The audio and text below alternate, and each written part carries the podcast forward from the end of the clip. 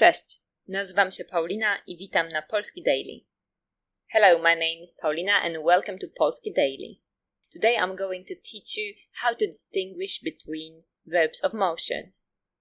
Maybe you already know that there are three forms of most of the verbs of motion. If we analyze the verb to go, chodzić, iść, and pójść, we have three completely different forms.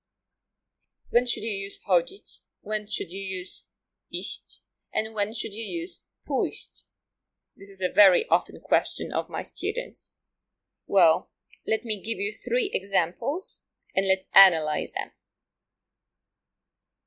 The sentence number one. Kiedy byłam studentką, chodziłam na siłownię. Kiedy byłam studentką, chodziłam na siłownię. When I was a student, I used to go to gym.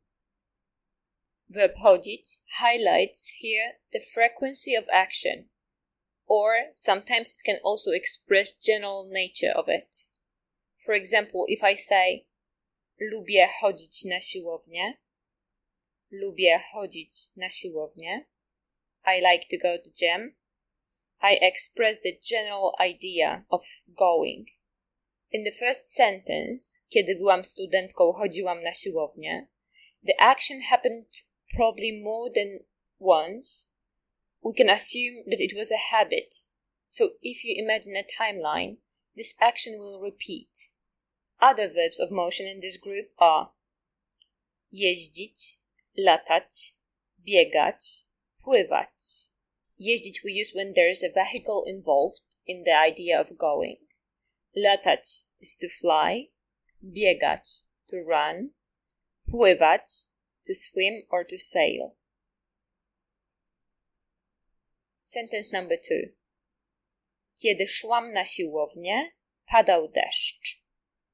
Kiedy szłam na siłownię, padał deszcz.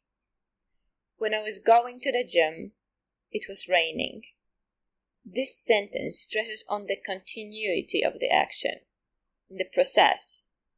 Verb iść, which is irregular in past and takes forms like szłam, szedłem, is an imperfect verb which is paired with its perfect form pójść.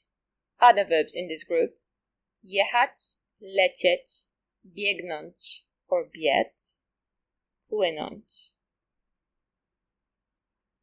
The third sentence.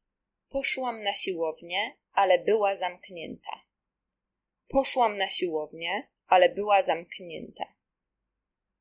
I went to gym, but it was closed. The verb that I used here, pójść, in past is poszłam, is the perfect form of the second group, iść. It is available only in past or future, which means that it doesn't have present at all. It expresses finished, completely closed action which happened just once. Other verbs in this group are pojechać, polecieć, pobiegnąć, pobiec, popłynąć. Now I have an exercise for you. I want you to translate these sentences. Yesterday in the evening I went for a walk.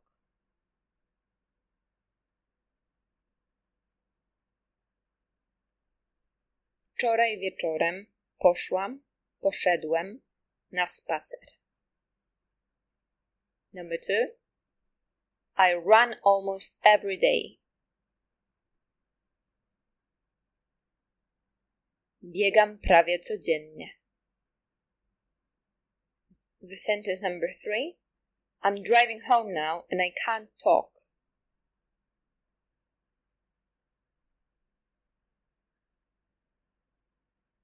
Jadę do domu teraz i nie mogę rozmawiać. Okay, that's all for today. I hope that you learned something important. I think it is very important to distinguish between these verbs and find more exercises on www.polskidaily.eu. Do usłyszenia!